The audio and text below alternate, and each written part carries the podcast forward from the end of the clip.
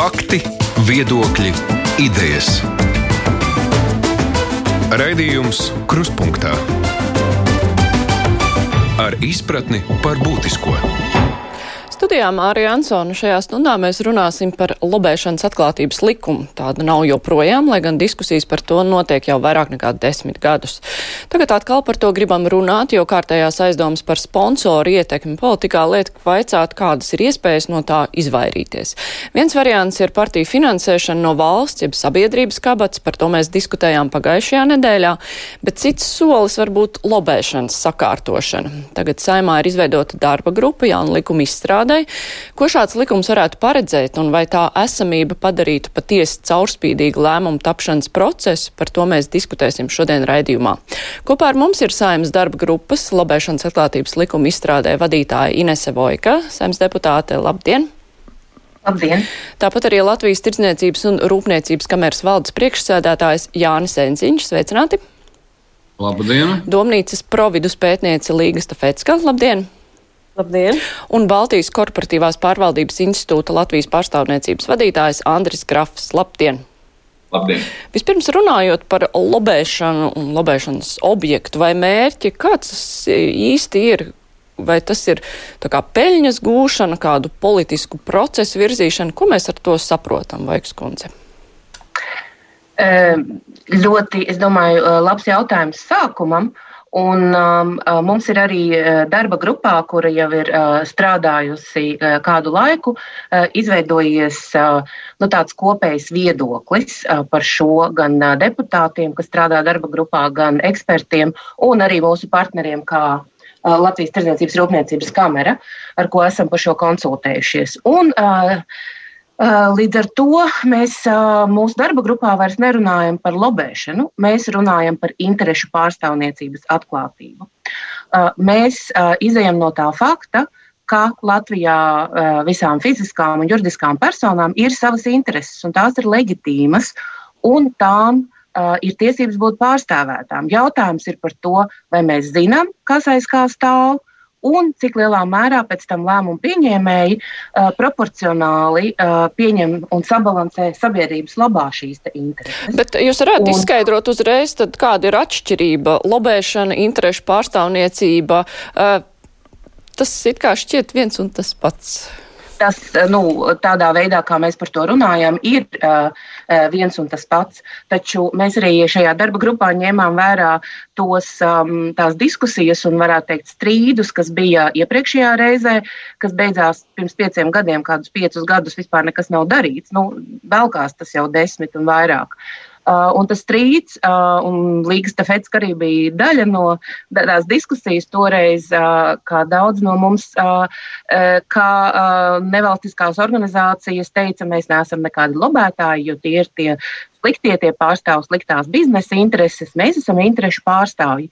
Taču tas ir jautājums par to, kā, un skaidrs, ka sabiedrībā uh, ar lobēšanu saista kaut ko netīru, burtiski pat tādu koruptīvu ietekmi, un arī jūsu pirmajā jautājumā tas tādā veidā parādījās. Un mums, vai, mums ir vajadzīga demokrātija, kurā visi savas intereses zina, kur var pārstāvēt, viņus uzklausa, uzklausa gan mazos, gan lielos, un ierēģi un amatpersonas nebaidās tās intereses uzklausīt. Taču, tad, kad tiek pieņemts likums vai lēmums, tad mēs varam zināt, kas ir tie, kas tiešām ar ko ir konsultējušies. Šobrīd uh, saimā īsti tās caurspīdības nav, taču arī uh, valdības līmenī un pašvaldību līmenī uh, mums uh, noteikti vajag tādu lielāku pārskatāmību par to, ko mēs, uh, ar ko tad uh, tiekās un ko dara un kādus lēmumus tas ietekmē. Bet, nu, lai, lai varētu saprast īsti, tomēr par kādiem procesiem ir runa, es minēšu vienu piemēru. Kristīnas Misānas lieta, kas ļoti aizkustināja ļoti daudz cilvēku sabiedrībā, bet nu, tur arī bija kaut kāds uzņēmums PR apakšā, un tas tik ļoti veiksmīgi bīdīts, vai to arī var, varēs tad uzskatīt, nu, ka tas ir uh, process, kas varētu iet tā kā zem šāda likuma. Un šeit runa bija tieši par uh, noteikta rezultātu panākšanu, kur nav saistīts nekāda uh, tur uzņēmēju interesi, nekas tāds, bet tas ir noteikts juridisks process, kas ir kādam ļoti svarīgs. Tas arī tad varētu darboties uh, zem šāda likuma. Nu, mēs tā moderni mēģinām skatīties, kā 21. gadsimtā, uz to, kādas darbības notiek. Lai tā nav, ka, nu, kā saka, pasaka, ka ir Lietuvā ir pateikts, ka ir lobbyisti un viņi ir pieci reģistrējušies un pārējie dara, ko griba. Un katram aiz katra lēmuma stāv, stāv, kaut, stāv ietekme. Un to mums vajadzētu darīt. Mēs tiešām skatāmies plaši, lai neizlaistu, lai nebūtu tikai tā, ka likumi, mēs skatāmies uz likumiem un lēmumiem, uh, Jautājums, protams, ir par to, kā mēs to konstatējam.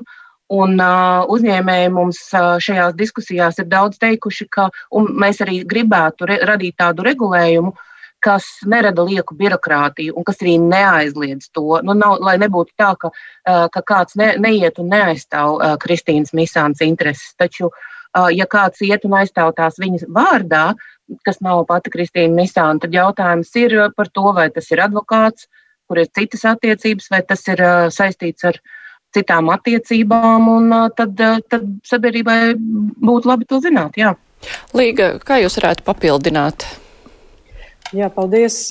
Man šķiet, ka tā, tā lobēšanas tēma mums ir vilkusies diezgan ilgi Latvijā, un tas, kur mēs šobrīd esam, kur, kur Ines jau arī labi iezīmēja, ka mēs šajā reizē varbūt uz lobēšanu skatāmies ievērojami plašāk, ka mēs, teiksim, sabiedrībā ir konkrēts jau priekšstats par to, kas īsti ir lobētāji. Tie ir, nezinu, tie ir uzņēmumu pārstāvi, kur viņiem ir maksājuši, lai ietekmētu lēmumu procesus. Mēs šoreiz ejam tieši daudz plašāku ceļu un skatāmies, kas ir visas iespējamās interesētās puses, kas iesaistās šajā lēmumu ietekmēšanas procesā. Tās var būt gan uh, profesionālas asociācijas, gan profesionāli lobbyisti. Tās daudzos gadījumos ir dažādas nevalstiskās organizācijas, nodibinājumi.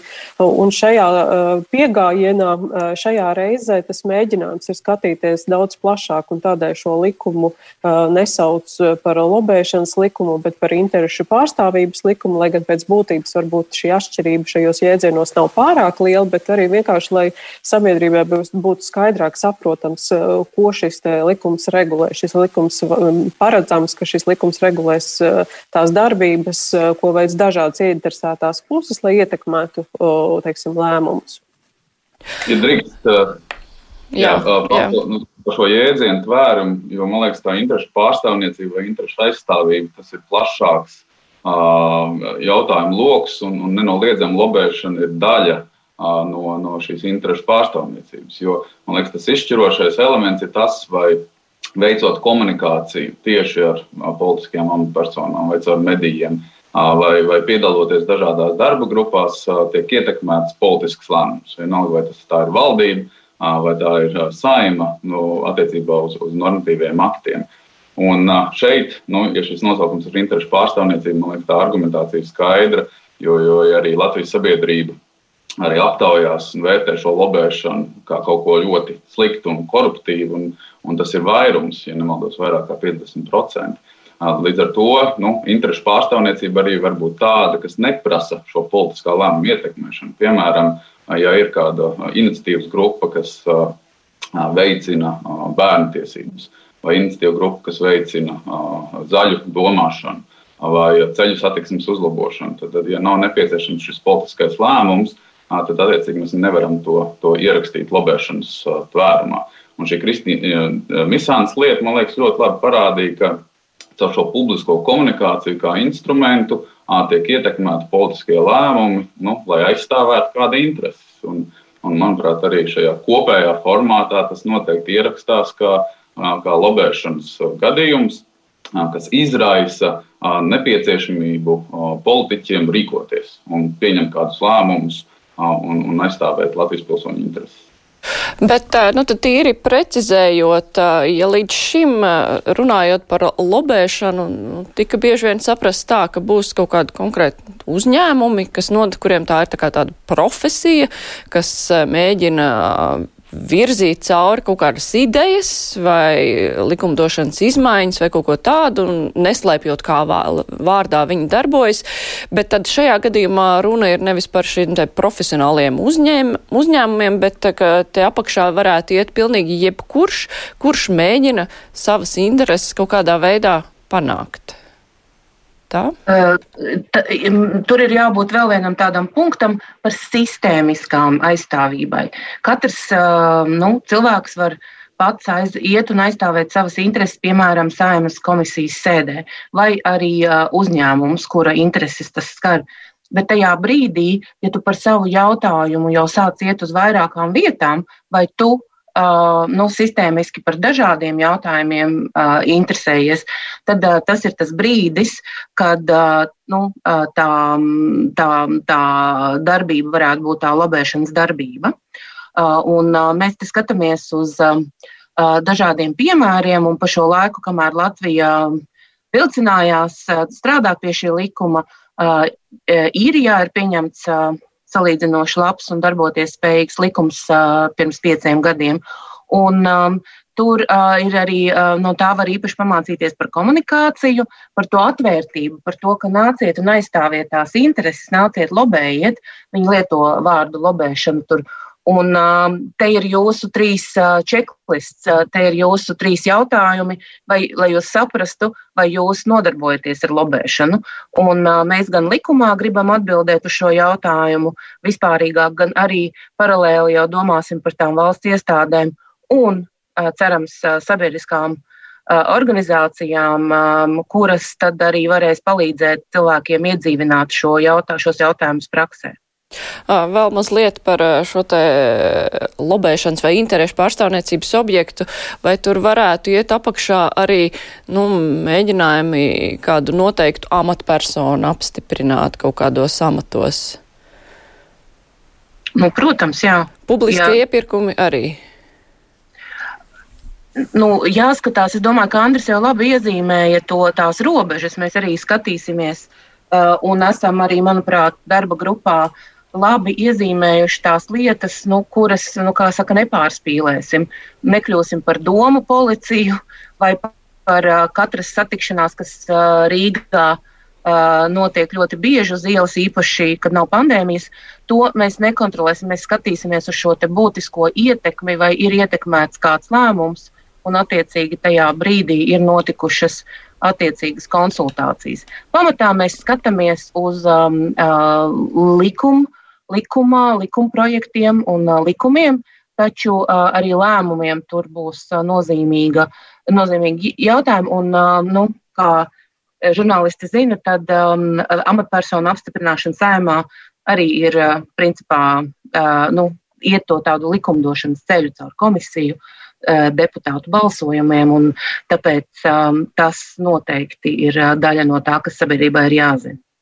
Encins, Jā, es gribēju vaicāt, jā, labi, papildiniet, grafikungs. Jā, jā. Jo, jo būtiski nevis tikai pateikt, kas ir lobēšana, bet kas arī tā nav. Man liekas, bija ļoti korekts jautājums, jo publiskie iepirkumi nevar būt nekādā ziņā subjekts lobēšanas aktivitātēm, jo tas nav politisks lēmums, un tur ir jābūt tiešām caurskatāmai kārtībai, lai labākais piedāvājums, saimnieciski izdevīgākais vinnē. Tiesas, nu, ietekme tiesas nevar būt lobēšanas jautājums. Tas, ka ministrs iet runāt ar otru ministru, tā nav lobēšana. Man liekas, ja mēs veidojam regulējumu, tad ir skaidri jāpasaka šīs robežas, jo, jo ietekmēt iepirkumus tas ir nelikumīgi. Ietekmēt tiesu varu tas ir nelikumīgi. Un... Tieši tā, es gribēju par tiesu varu piebilst, un nekādā veidā nu, ir, ir tās, tu, tur mēs nerisināsim visas nelikumības, kas valstī notiek ar lobēšanas likumu. Mēs izgaismosim uh, un um, ieviesīsim skaidrību tajās attiecībās, kuras uh, notiek, kā saka, jau ir ļoti daudz, kas notiek labā veidā, bet mēs nesaprotam. Un tad ir daudz vieglāk iejukt tām attiecībām, kuras tad ir uh, nesaprotamas. Uh, bet uh, attiecībā uz iepirkumu ietekmēšanu, uz tiesas ietekmēšanu ir spēkā krimināla likums, un uh, tas arī, kā saka, ir daļa no tās sistēmas, bet nebūs šī likuma tvērumā. Enziņkungs, uzņēmējiem jau līdz šim ir nu, nācies runāt ar politiķiem. Nu, šim dialogam tas ir tikai normāli, ka tas līdz šim ir noticis.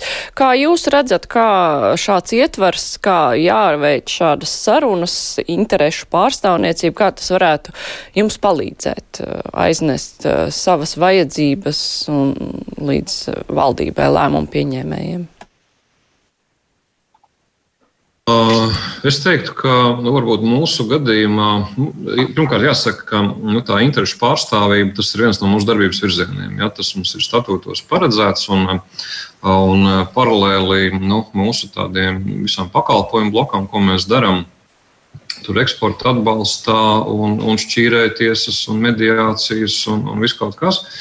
Um, paralēli mums, mums ir interešu pārstāvība. Un, eh, un tas ir tas, ko mēs ikdienā darām. Kā labi zināms, mēs ejam uz saimnes komisijas sēdēm, mēs piedalāmies valdības sēdēs, dažādās darba grupās, ministrijās, viskaut kur. Un, um, nu, es teiktu, ka tādā veidā nu, likums var būt uh, no, no, no tāda mūsu redzes leņķa, kā organizācijas. Es, es teiktu, ka būtu svarīgi, lai, lai, tas, lai tas regulējums tiktu izveidots nu, tāds, kas. kas um, nu, netraucētu darīt to, ko mēs, manuprāt, likumīgi un, un, un darām. Ja? Uh, bet uh, kāpēc tomēr regulējums būtu vari, uh, svarīgs? Nu, arī šeit ir tiksim, diskusijas bijušas, piemēram, arī parlamentā, ka nu, ir deputāti, kas ir kā tādi pasniegi, kas nu, vienkārši atnes kaut kādu gatavu priekšlikumu. Uh, īstenībā jautājums, kā uz to paskatās. Um, ja ir tā, ka deputāts nāk un saka, jā, Šis nav uh, manis radīts uh, likuma grozījums, bet to man ir iesniegusi un es esmu atnesis nezinu, Latvijas Tirzniecības Rūpniecības kameras priekšlikumu vai dabas fonda priekšlikumu vai vienalga kādas organizācijas priekšlikumu. Uh, man liekas, ka tas ir ļoti normāls, dabisks process, un, un tad jau arī saimā vērtējot konkrēto jautājumu, ja, nu tad, tad, ir, tad ir skaidrs, kurā kājas un, un, un kāds ir. Tas, kas nebūtu pareizi, nu, ja, ja pieņemsim uz galda parlamentā nonāk priekšlikums, kur, kur priekšlikuma iesniedzējs deputāts nu, pats īsti acīm redzam nopamatot nevar. Um, arī tādi gadījumi ir bijuši, ja, ja nopamatot nevar. Uh, kur viņš viņu ir dabūjis, arī īsti nesaka. Ja, nu, nu, tas skaidrs, ka tas nav īsti pareizi. Uh, vēl ir, vēl ir noteikti situācijas, kur, kur, kur mēs arī dzirdam pat tādā nu, publiskā saziņā, kur, kur ministrija saka, ziniet, nu mēs, es te ar dažiem uzņēmējiem parunājos, viņi saka, nu, kad ir šitā, ja, un man neinteresē, ko jūs sakat. Nu, nu tad gan man gribētos teikt, nu, ka vajadzētu saprast, ar kuriem tad ir runāts un par ko ir runāts. Un, un šajā dimensijā es teiktu, ka, nu, ka te, te būtu ļoti pareizi, ka tas kaut kā izkristalizētos. Tā kā es teiktu, ka, protams, redzēs, kāds tas likums beigās būs, tad, kad viņš būs. Uh, Es teiktu, ka būtu normāli, ka viņš nu, tādām organizācijām, kas, kas atklāti, caurspīdīgi nu, dara, dara savu darbu, tā, tā kā to dara šobrīd Latvijas Tirzniecības Rūpniecības kamera, bet ļoti daudz ir uzņēmēju nozara asociācijas un ne tikai uzņēmēju organizācijas, ļoti, ļoti dažādas organizācijas to dara. Lai, lai faktiski nu, viņām netraucētu to darīt, bet lai nu, lielāku caurspīdību iedotu nu, tai citai saziņai. Jo mēs par katru tēmu, ko mēs lobējam, nu, es apzināti lietoju šo vārdu, par katru tēmu mēs varam runāt jebkurā, jebkurā formātā, jebkurā auditorijā, absolūti atklāti. Mums nav nekā slēpjama. Ja? Un tas, domāju, ir tas svarīgākais jautājums, lai, lai viss ir caurspīdīgi, saprotami, ja? gan no sabiedrības viedokļa, un tad jau jā, nu, politiķu saka, lēmums ir, nu, kuru ceļu iet un, un izdarīt to politisko izvēli. Es, es lielā mērā domāju, ka tas ir tāds nu, tāda, nu, caurspīdības, caurspīdības jautājums. Paldies! Jā, jūs minējāt, ka Tirzniecības rūpniecības kamera to dara jau un ļoti atklāti, bet droši vien, ka arī kaut kāda atsevišķa uzņēmēja, varbūt jūsu biedri to dara netik atklāti. Vai jūs redzat šos procesus kaut kā, kas notiek aizmuguriski? Nu, tas ir tas, ko es minēju šo piemēru, ka bieži vien mums ir tiešām situācija, ka mēs nākam ar, nu, ziniet, mums ir 2700 jau pāri kompānijas kā biedri. Mums ir pāri par 60 dažādām uzņēmēju asociācijām. Un mums ir ļoti nu, detalizēts un, un nu, izsvērts viedokļu veidošanas vispār process. Tie, kas zina iekš, iekšpusi, mums nav tā, ka tur ir kaut kāds likuma projekts un tad, nezinu, piezvan enziņam un prasa, kā tev, kā tev šķiet, Jenziņš saka, ir, ir labi, tad mēs viņu aizstāvam. Ja? Es to nedrīkstu vienkārši darīt. Mums ir kompetenci padoms, mums ir lielā padome, mēs sveram, diskutējam, savā starpā strīdamies, un tas ir tas, ko mēs nesam. Un kāpēc to stāstu? Ja mēs ar šādu izdiskutētu viedokli aizējam vienalga vai uz valdību, vai uz ministriju, vai uz parlamentu, un tad kāds no, no politiķiem saka, ziniet, nu, es te ar uzņēmējiem parunāju, nu, tās ir visas muļķības, ko jūs sakat. Nu, ziniet, nu, tad gan man gribētos teikt, kas tad bija tie uzņēmēji, kuri šo lietu tad, nu, jums ir pasnieguši kaut kā savādāk.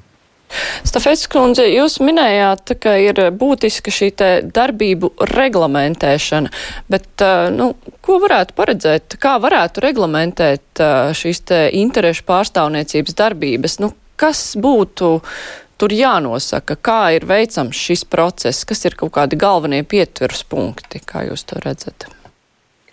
Nu, tas, ko mēs arī šobrīd šajā diskusijā dzirdam, tie ir divi galvenie principi, kas ir svarīgi visa regulējuma pamatā. Viens ir regulējuma pamatā ir darbība atklātība, lai mēs varam izsakot, kas ietekmē ko un kā vārdā. Un arī, lai mēs redzam, ka tur ir, ka ir ievērota zināma vienlīdzība pret jebkuru te, teikt, spēles dalībnieku, jebkuram ir iespēja ietekmēt procesu, lai nav tā, ka ir atsevišķi uzņēmēji, kas diktē spēles noteikumus vai atsevišķa organizācija, bet pārējie šajā te pie šī saruna galda vispār netiek klāt vai viņi nav tur vēlami, vai nu, ka šīs balanss starp dažādām interesēm nav ievērots. Un šie divi principi, kas ir atklātība un vienlīdzīgums, ir pamatā arī šim regulējumam. Man liekas, no sabiedrības puses būtu svarīgi, ka mēs varam izsekot šai likumdošanas pēdai. Saima pieņem likumu, ka mēs redzam, kas ir tās iesaistītās puses, kas ir strādājušas pie šī likuma, kādā veidā, kādi ir bijuši viņu priekšlikumi, lai mēs vienkārši redzam, kā šis likumdošanas process ir noticis. Tas ir tas mērķis, ko mums vajag panākt. Jo, protams, ka šo regulējumu mēs kaut kādas nelikumīgas darbības nevaram novērst. Mēs varam vienkārši izgaismot vispār to likumdošanas procesu kā tādu. Un tas ir tas mērķis, uz ko parasti šie regulējumi arī ir virzīti - uz lielāku caurskatāmību un uz vienlīdzību, ka dažādas iesaistītās puses eh, tiek klāt pie sarunu galda, viņas netiek izslēgtas, eh, un viņu viedokli arī var uzklausīt, vai arī var redzēt, ka likumdevējs ir novirzies vienās konkrētās interesēs un ka mums vajadzētu lielāku balansu šeit.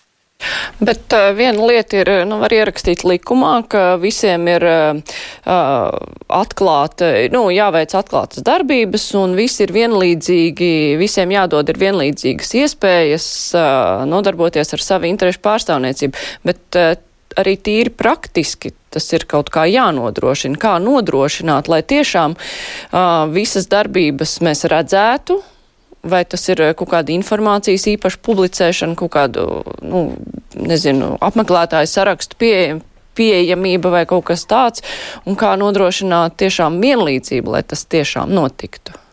Nu, parasti valstis, kuras izstrādā īpašu lobēšanas regulējumu, ievieš tādus tipiskus uh, soļus. Viens no biežākajiem ir lobētāja reģistrs, kas ir publiski pieejama informācija, kurai iedzīvotāji var izsakot līdzi šiem iesaistītajām vai interesētajām pusēm, kas piedalās uh, lēmumu ietekmēšanā. Uh, tad ir dažreiz dažādi papildus soļi, vai nu tie, piemēram, informācija, publiska informācija par nu, svarīgāko amatpersonu tikšanos kalendāriem, kur mēs redzam, kas ir organizācijas pārstāvji, ar ko šīs amatpersonas savā darba laikā vai nu, savos pienākumos tiekās un tam līdzīgi.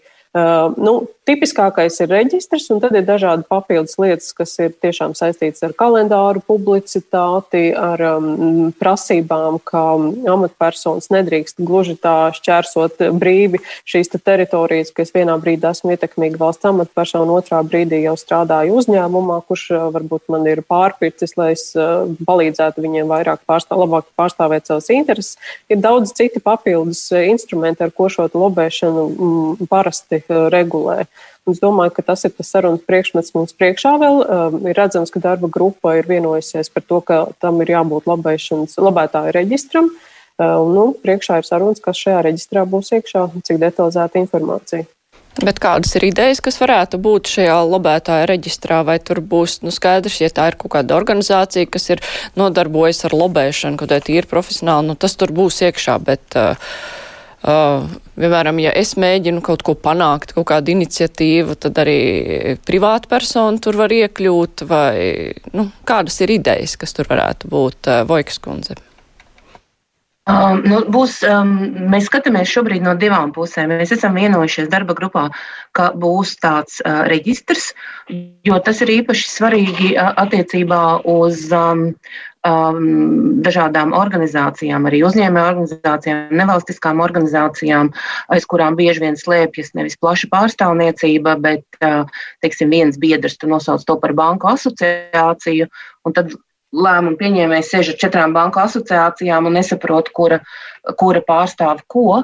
Līdz ar to mums ir vajadzīga tāda vieta, kur būtu redzami šie organizāciju biedri, arī finanses. Tas savukārt sabiedriskā labuma organizācijām un LTRK un citiem neradīs nekādas problēmas, jo viņu darbība jau ir atklāta un tīri praktiski mēs runājam ar uzņēmumu reģistru, kas ir gatavs to inkorporēt vienā tādā veidā, uh, Mēs runājam par to, ka šiem, cilvēki, šiem organizācijām un cilvēkiem, kas veic šīs nu, tādas profesionālas darbības uh, ikdienā, uh, būtu nepieciešams arī ētikas kodeks, uh, kur viņi parakstās, kā viņi to dara, kas būtu daļa no šī lobbyistu uh, interešu pārstāvju reģistra. Bet otra puse, uz ko mēs skatāmies, ir tā, lai būtu izsakojamība no likuma puses un no amatpersonu puses, ar ko tad mūsu amatpersonas tiekās. Un, nu, es ceru, ka šajā posmā, kamēr mēs gan diskutējam par principiem, gan arī rakstīsim likuma tekstu, mēs arī varēsim jau iezīmēt tos tehniskos risinājumus, lai tas nu, mans ideāls būtu tajā, ka tiešām nonākot pie gala lēmuma likuma projektā, vai nu ministru kabinetā, kur notiek lielākā daļa no interešu pārstāvniecības dažādās darba grupās un arī sēmā, vienkārši nu, paņemot to likumu, būtu redzamas gan darba grupas, kurās tas ir noticis, gan konsultīvās padomas, kur tas ir apspriests, gan arī šīs te, nu, tādas lobēšanas aktivitātes, ja kāds ir nācis, runājis, kaut ko iesniedzis ārpus šiem formātiem, kur mēs visu to redzētu tādā vienā konkrētā veidā. Tāpat kā mēs varētu apskatīties, ar ko tad mūsu amatpersonas gada griezumā ir tikušās un kā viņas, kā saka, pārstāv mūsu intereses. Grafkungs, jums ir ko papildināt, ko likt šādā reģistrā? Nu, protams, tā starptautiskā praksa, kaut vai uh, Eiropas Savienības šis pārzemības reģistrs, kurā ir vairāk kā 11,000 gan privātpersonas, gan organizācijas reģistrējušās. Nu, tās tipiskās sadaļas ir, protams, uh, kas ir šis lobētājs, kas ir tas interešu lokus, uh, kas tiek lobēts nu, tādās vairāk vai, vai detalizētāk regulētos reģistros. Tas ir finansējums, kas ir paredzēts lobēšanas aktivitātēm, arī kontakti ar, ar amatpersonām, protams, arī. Ja, Laikas kundzes pieminētais šis ētikas kodeks, lai tu vispār iekļūtu šajā lobēšanas reģistrā, tev ir jāapliecina, ka tu ievēros spēles noteikumus. Droši vien tas lielais jautājums būs, ja šāds reģistrs tiek veidots, vai mēs viņu attiecinām uz visu Latviju, valdības, saima, pašvaldības, vai saima tas ir atsevišķs stāsts, un, un valdība un teiksim, pašvaldība līmenī ir atsevišķs stāsts. Ja mēs atceramies piecus gadus vecu knābu priekšlikumu par likuma projektu. Tur beigās sanāca, ka tie bija vairāk kā 200 reģistri, nu, kur katrs tur savā mājaslapā kaut ko liek. Tā kā, man liekas, tas arī ir tāds, nu, man, man, manuprāt, ļoti uh, diskutējams jautājums. Nu, ja iet uz šo reģistru, tad uz ko mēs to attiecinām? Un papildus, nu, tā kā mana organizācija, Kortijas pārvaldības institūts, mēs arī sadarbojamies gan ar valdību, gan, gan ar saimnes, sniedzot priekšlikumus likuma projektiem. Uh, nu, manuprāt, ir jābūt arī kaut kādam burkānam. Tad, ja es esmu reģistrā, tad kādas man ir priekšrocības, teiksim, informācijas pieejamības ziņā, piemēram, par komisijas sēdēm vai konkrētas tēmas likumprojektu, kas tiek skatīti. Un ja atkal, ja nav šis pārtagas princips, ka reģistrējies vai nereģistrējies, tāpat piedalies sēdēs ietekmē lēmumus, tiecies uh, publiski vai nepubliski, nu, tad, tad visai šai sistēmai ir arī tāda problēma, ko, ko OECD ļoti labi raksturo, ka ikvienam lobēšanas regulējumam ir jābūt veidam, kas kontrolēs un uzraudzīs, kā šī sistēma strādā. Un tas ir klupšanas akmens pilnīgi, nu, domāju, visām valstīm, kas ir gājuši šo lobēšanas regulējumu. Tad, ja neviens to nekontrolē, nav nekādu sankciju par to, ka es pārkāpju, tad tas būs tāds labs žests no tiem, kas jau šobrīd dara to atklāti. Reģistrējamies reģistrā, bet tie, kas to dara slēpti un, un, un gatavo, piemēram, deputātu priekšlikumus, par kuriem neviens neuzzina, tad viņi arī tur neparādīsies. Jā, ar šo te pātagas principu mēs turpināsim tūlīt. Es tikai atgādināšu klausītājiem un Latvijas televīzijas skatītājiem, ka šodien kopā ar mums ir saimnes deputāte, kur vada darba grupu lobēšanas atklātības likuma izstrādēja Ines Vojka, tāpat arī Domnīcas providus pētniece Līga Stafecka, Baltijas korporatīvās pārvaldības institūta Latvijas pārstāvniecības vadītājs Andris Grafs un Latvijas tirniecības un rūpniecības kameras vadītājs Jānis Enciņš. Raidījums Krustpunktā. Enziņkungs, no jūsu viedokļa, kas būtu tas efektīvākais pātagas princips, kā piespiest nu, cilvēkus, kuri grib kaut ko panākt, lobētājus, to darīt atklāti, jo, nu, protams, var iet caur šo reģistru, tajā pašā laikā kas kavē mēģināt satikties ar amatpersonu kaut kur, kādā pieņemšanā, vienalga, nu, kas varbūt pat neparādās tās amatpersonas kalendārā. Nu jā, šis, šis ir labs jautājums. Es nezinu, vai man ir, vai man ir laba atbilde.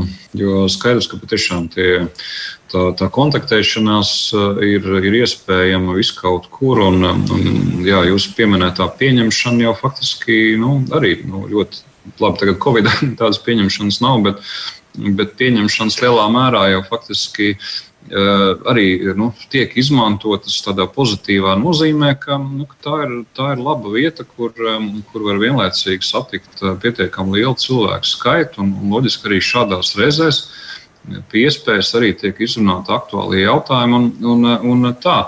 Eh, es domāju, ka būtisks jaut, būtiska lieta ir, nu, tā, ja, ja būs regulējums, kurš pieprasīs zināmu caurspīdību tam procesam, tad, tad tur kaut kādai pozitīvai, pozitīvi, nu, tad es domāju, ka kaut kāda pozitīva kustība, jeb, jeb kurā gadījumā būs. Galvenais tur ar to regulējumu ir nesapīties meistarībā, nu, par ko es runāju. Teiksim tā, nu, ja mēs raugamies piemēram, uz kameras uh, kontekstu, tad, uh, nu, uh, ja piemēram Eh, nu, atkarībā no tā, kāds būs tas regulējums. Ja? Eh, nu, piemēram, šobrīd mēs te atvērām bankā kontu, tad tur ir eh, viena no lietām, kas ir vajadzīga, ir jānorāda patiesā labuma guvējas kamerai, nu, pēc likuma prasībām. Loģiski, ka noskaidrot patiesā labuma guvēja Latvijas tirdzniecības rūpniecības kamerā ir vienkārši neiespējami. Nu, jo tur ir tūkstošiem biedri, tur vēl akcionārs sastāvs, un tāpēc likums paredz iespēju, nu, ka nu, to nevar objektīvi noskaidrot. Vienkārši pārāk daudz tās intereses tur apakšā. Bet, um, bet uh, bankā kaut kas jānorāda. Ja, tas ir beidzies ar to, ka es um, atverot kontu, ne, nav variantu. Es uh, beigās izrādās, es, tur jānorāda kaut kas, un tad es šobrīd esmu LTRK patiesā labam guvējs pēc dokumentiem. Nu, nu skaidrs, ka tas, uh, nu, ka tas tā nav. Bet nu, ir, nu, šis ir piemērs, kā, kā mēs varam sapīties kaut kādā veidā meistarībā. Un, um, līdz ar to es domāju, ka ir droši vien jā, kaut kā jādala divās grupās. Tas viss būs teiksim, tā, tādas uh, saprotamas organizācijas, uh, kuras ikdienā ar to atklāti visu laiku ir nodarbojušās un nodarbosies uz priekšu. Uh, lai, nu, lai, lai tur nebūtu vienkārši lieki kaut kāda apgrūtinājuma. Nu, cita lieta ir, jā, un otra grupa ir droši vien, nezinu, fiziskās personas. Zinu, tur varbūt advokāti kādi, kur pasaulē tāpatās, un cita vieta, kas arī saka, jā, tas ir viens no mūsu darbības virzieniem, un tad viņi tur kaut ko dara, dara šeit.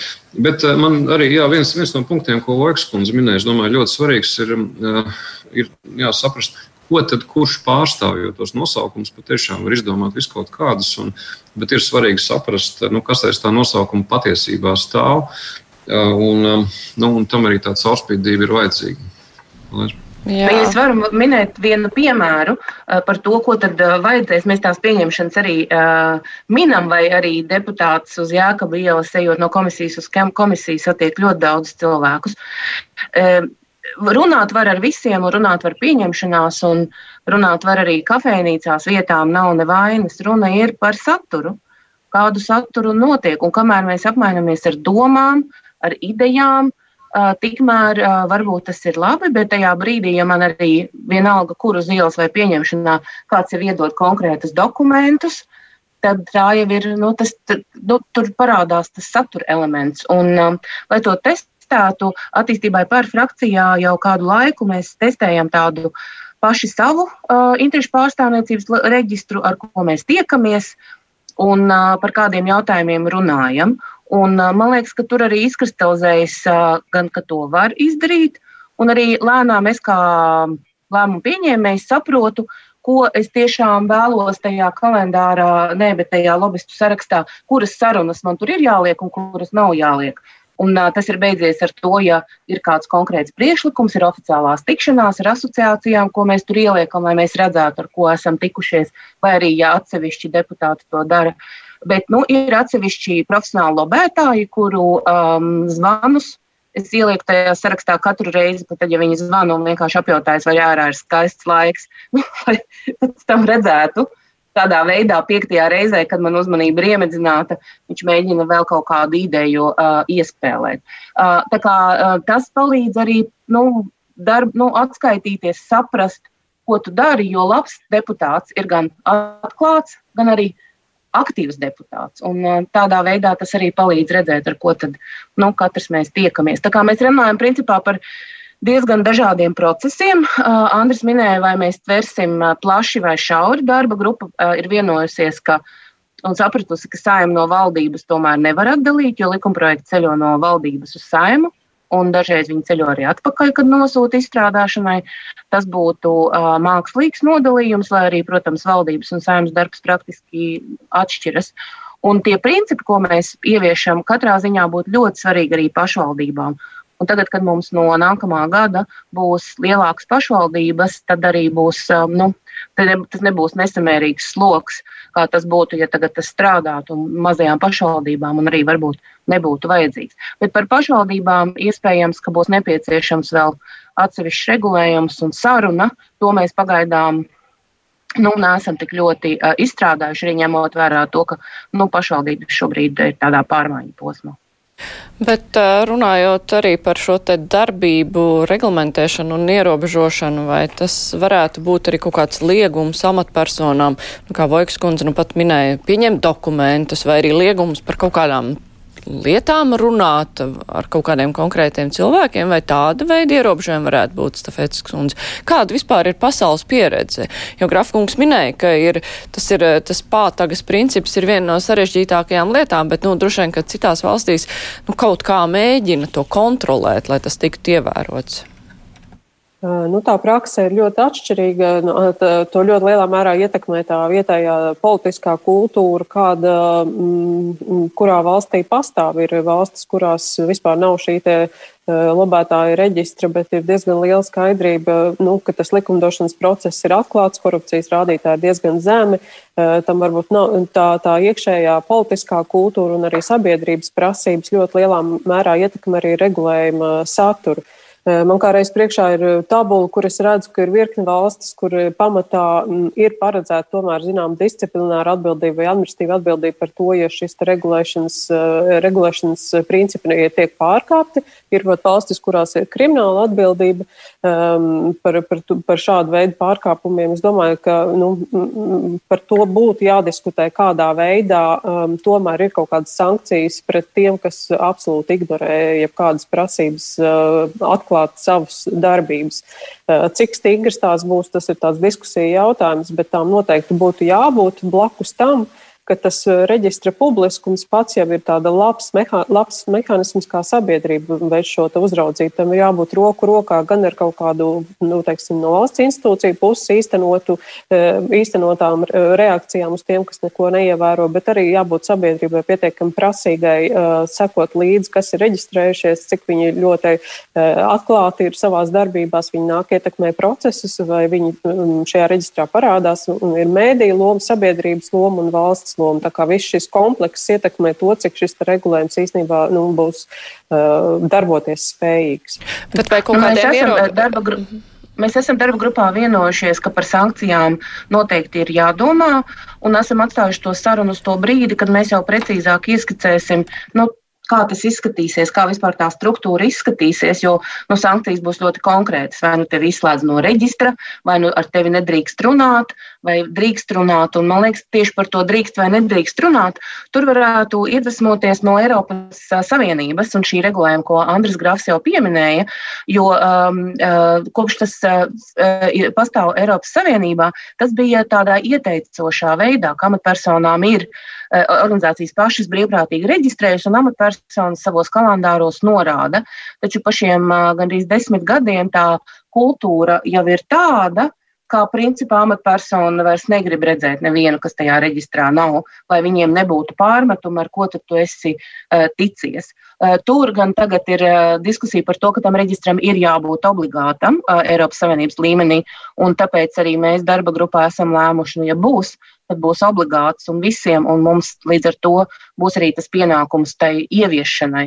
Jo mana pieredze arī ar vienu tādu salīdzinoši nu, līdzīgu dabas jautājumu par politisko partiju finansēšanas kontroli, ko Latvija stiprināja jau gandrīz pirms 20 gadiem, pirmo reizi tādā nopietnā veidā ar knābu arī bija tas, ka bez uzraudzības labi likumi ir tikai puse no tā ceļa, un mēs noteikti tam likumā došanas procesā pievērsīsimies. Bet par to tikšanos, nu, kā, kā jau tika pieminēts, amatpersona var tikties dažādās vietās, ar, nu, vai tas ir uzņēmējs vai kādas organizācijas pārstāvis, tad pirmkārt vai ir jābūt ierobežojumiem, kur drīkst tikties un par ko runāt. Otrkārt, ja ir tikšanās notikusi, pusi, tad uh, kuram ir pienākums, kuram būtu jābūt pienākumam, tad to visu smalki aprakstīt, kas tur ir runāts un par ko viņi ir vienojušies.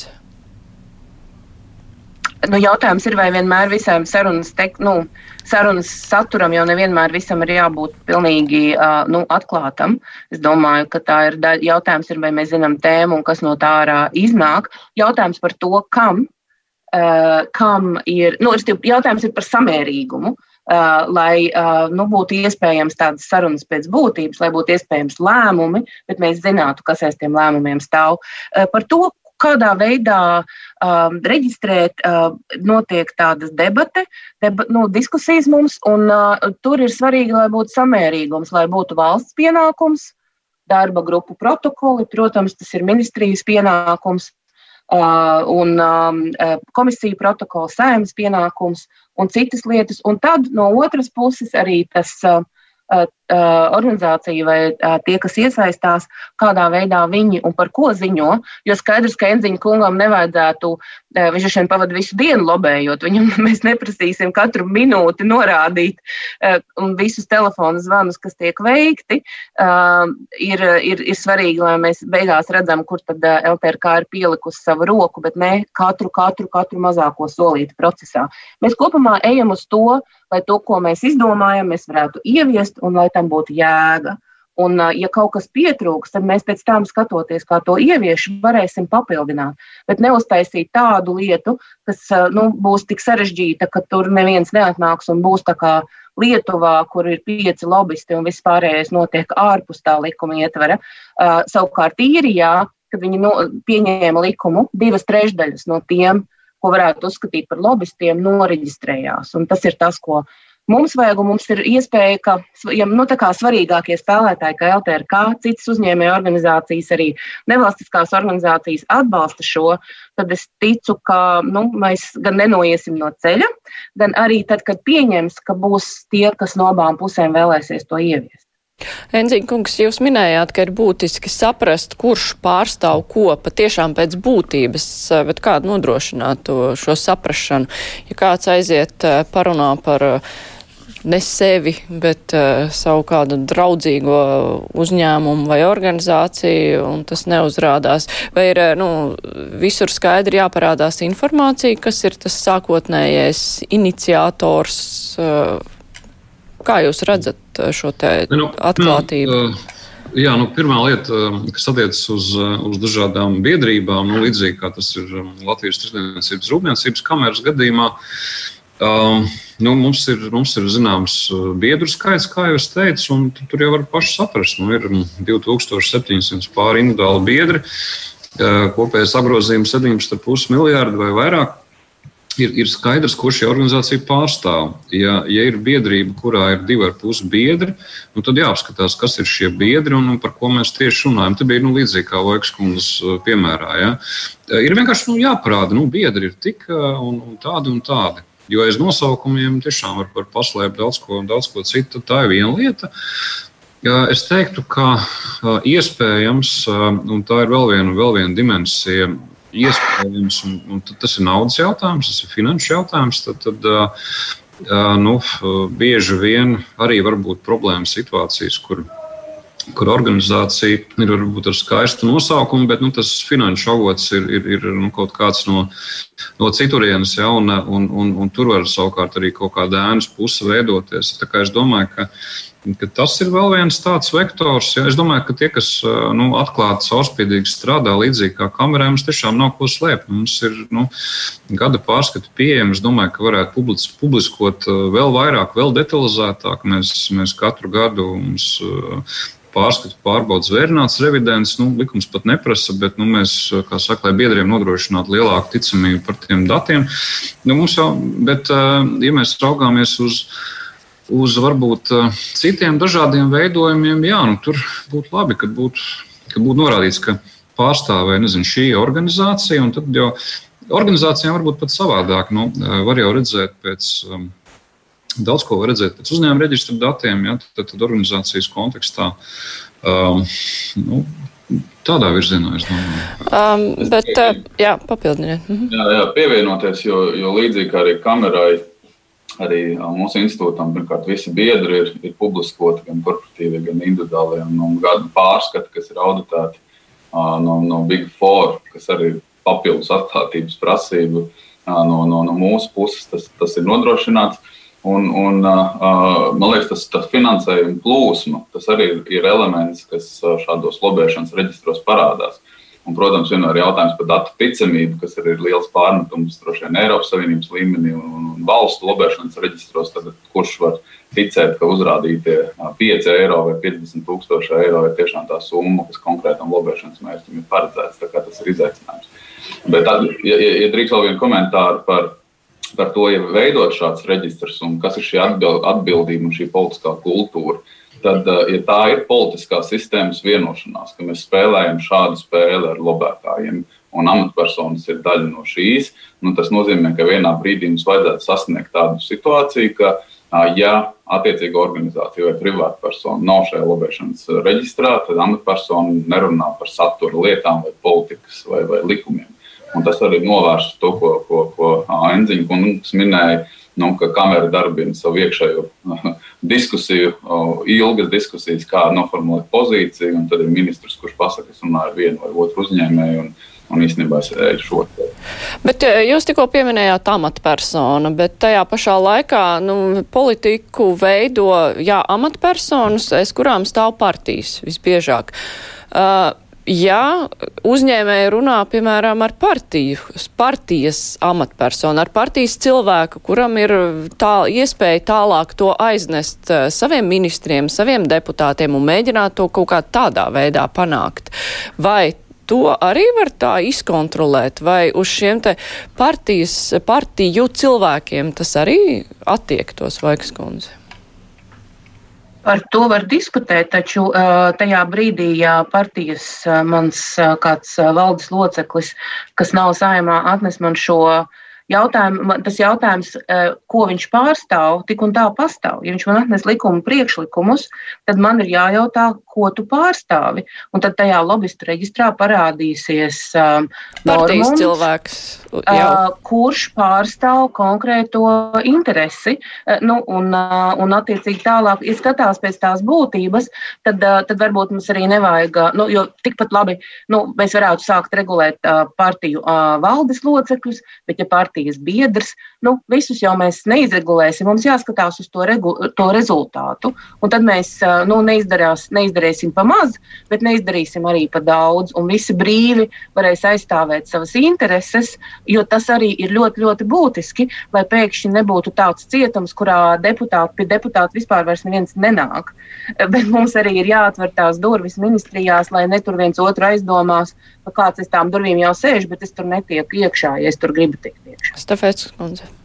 Man ka runājot par šo atbildības sadalījumu, tur ir jāievēro zināma paritāte, ka daļ, daļa no atbildības uzņemās lobētāji, kas, kas attiecas visu uz lobēšanas reģistru, uz korekts informācijas norādīšanu, ētikas standartu ievērošanu, bet tomēr šajā proporcijā lielāka daļa atbildības, manuprāt, būtu jābūt amatpersonām, kuras pieņem lēmumus. Viņas, viņā būtu jābūt spējai izšķirt un uh, norādīt, uh, ka šī saruna ir ietekmējusi manu lēmumu, šī saruna manu lēmumu galīgi nav ietekmējusi. Nu, visu nevar no līdz tādam burta līmenim regulēt. Ir jābūt kaut kādai spējai pateikt, šajā jautājumā es ņemu vērā intereses, kas man ir runājušas, un to es arī korekti norādu. Un starp citu, lai arī šobrīd nav šī regulējuma, var redzēt, ka šī praksa Latvijā tomēr pakāpeniski uzlabojas, jau tagad daudzos gadījumos viņi varbūt nav ļoti daudzskaitlīgi, bet mēs arvien vairāk redzam, ka arī saimnes deputāti iesniedzot savus priekšlikumus likumprojektos jau sāk lēnām parādīt, ka atklāt, ka iesniedzot šo priekšlikumu, esmu konsultējies ar organizāciju X. Šī ir tā praksa, kur jau amatpersonas var labi parādīt, ka viņas saprot, ka viņas nāk ar konkrētu interešu pārstāvību, un tam tā būtu jābūt. Un, un amatpersonas tāpēc ir amatpersonas, ka viņām ir jāuzņemas atbildība par mm -hmm. saviem lēmumiem. Un tādēļ arī šajā atbildības sadalījumā es redzētu zināmu proporciju, bet tomēr lielāku atbildību amatpersonu pusē. Jā, un Enziņa kungam noslēdzošais vārds, ja varat minūtes laikā. Jā, rekā man sanāca uh, veiksmīgi. Es domāju, ka tas regulējums ir um, jāsāk noteikti ar caurspīdību. Tas ir numur viens, un uh, ja mēs to panāksim, tas jau būs daudz. Ja runā, un savukārt to kontrols un, un, un sankciju jautājumu, to varbūt vēlāk. Nu, es vienkārši nestādos priekšā, ja, ja būtu regulējums, kur nezinu, pēkšņi būtu kaut kāds sots, ka nedrīkst runāt ar Latvijas Tirzniecības Rūpniecības kameru nu, tad mēs vienkārši veramies ciet vai, vai, vai kā. kā. Es domāju, sākam ar to caurspīdību, numur viens. Un, Un, un, un tad savukārt to sankciju bloku tur tiešām vairāk amatpersonu kontekstā, es domāju. Paldies. Jā, gaidīsim darba grupas sagatavoto projektu. Cerams, ka raities uz priekšu un piebildīšu, ka mēs apzināti neskāru jautājumu par kaut kādu nelikumīgu mēģinājumu ietekmēt amatpersonu lēmumus, jo tur jau ir stāsts par tiesības sargājošo iestāžu darbu, ja kāds mēģina amatpersonas gluži vienkārši uzpirkt, jo tā jau vairs nav nekāda interešu pārstāvniecība vai lobēšana, bet vienkārši kukuļošanas mēģinājums. Es saku paldies eh, diskusijas dalībniekiem. Kopā ar mums bija saimnes deputāti Inese Vojka, Tirdzniecības rūpniecības kameras valdes priekšsēdētājs Jānis Enziņš, Domnīcas providus pētniece Līgsta Fecka un Kor Baltijas korporatīvās pārvaldības institūta Latvijas pārstāvniecības vadītājs Andris Grafs. Paldies, ka varējāt piedalīties. Rīt kruspunktā mums būs eh, premjers Krišjānis Kariņš. Viņš atbildēs uz žurnālistu un Latvijas radio klausītāju jautājumiem. Varat arī savus rakstīt. Raidījums izskan, producente Vija Junāma studijā bija Mārija Ansone.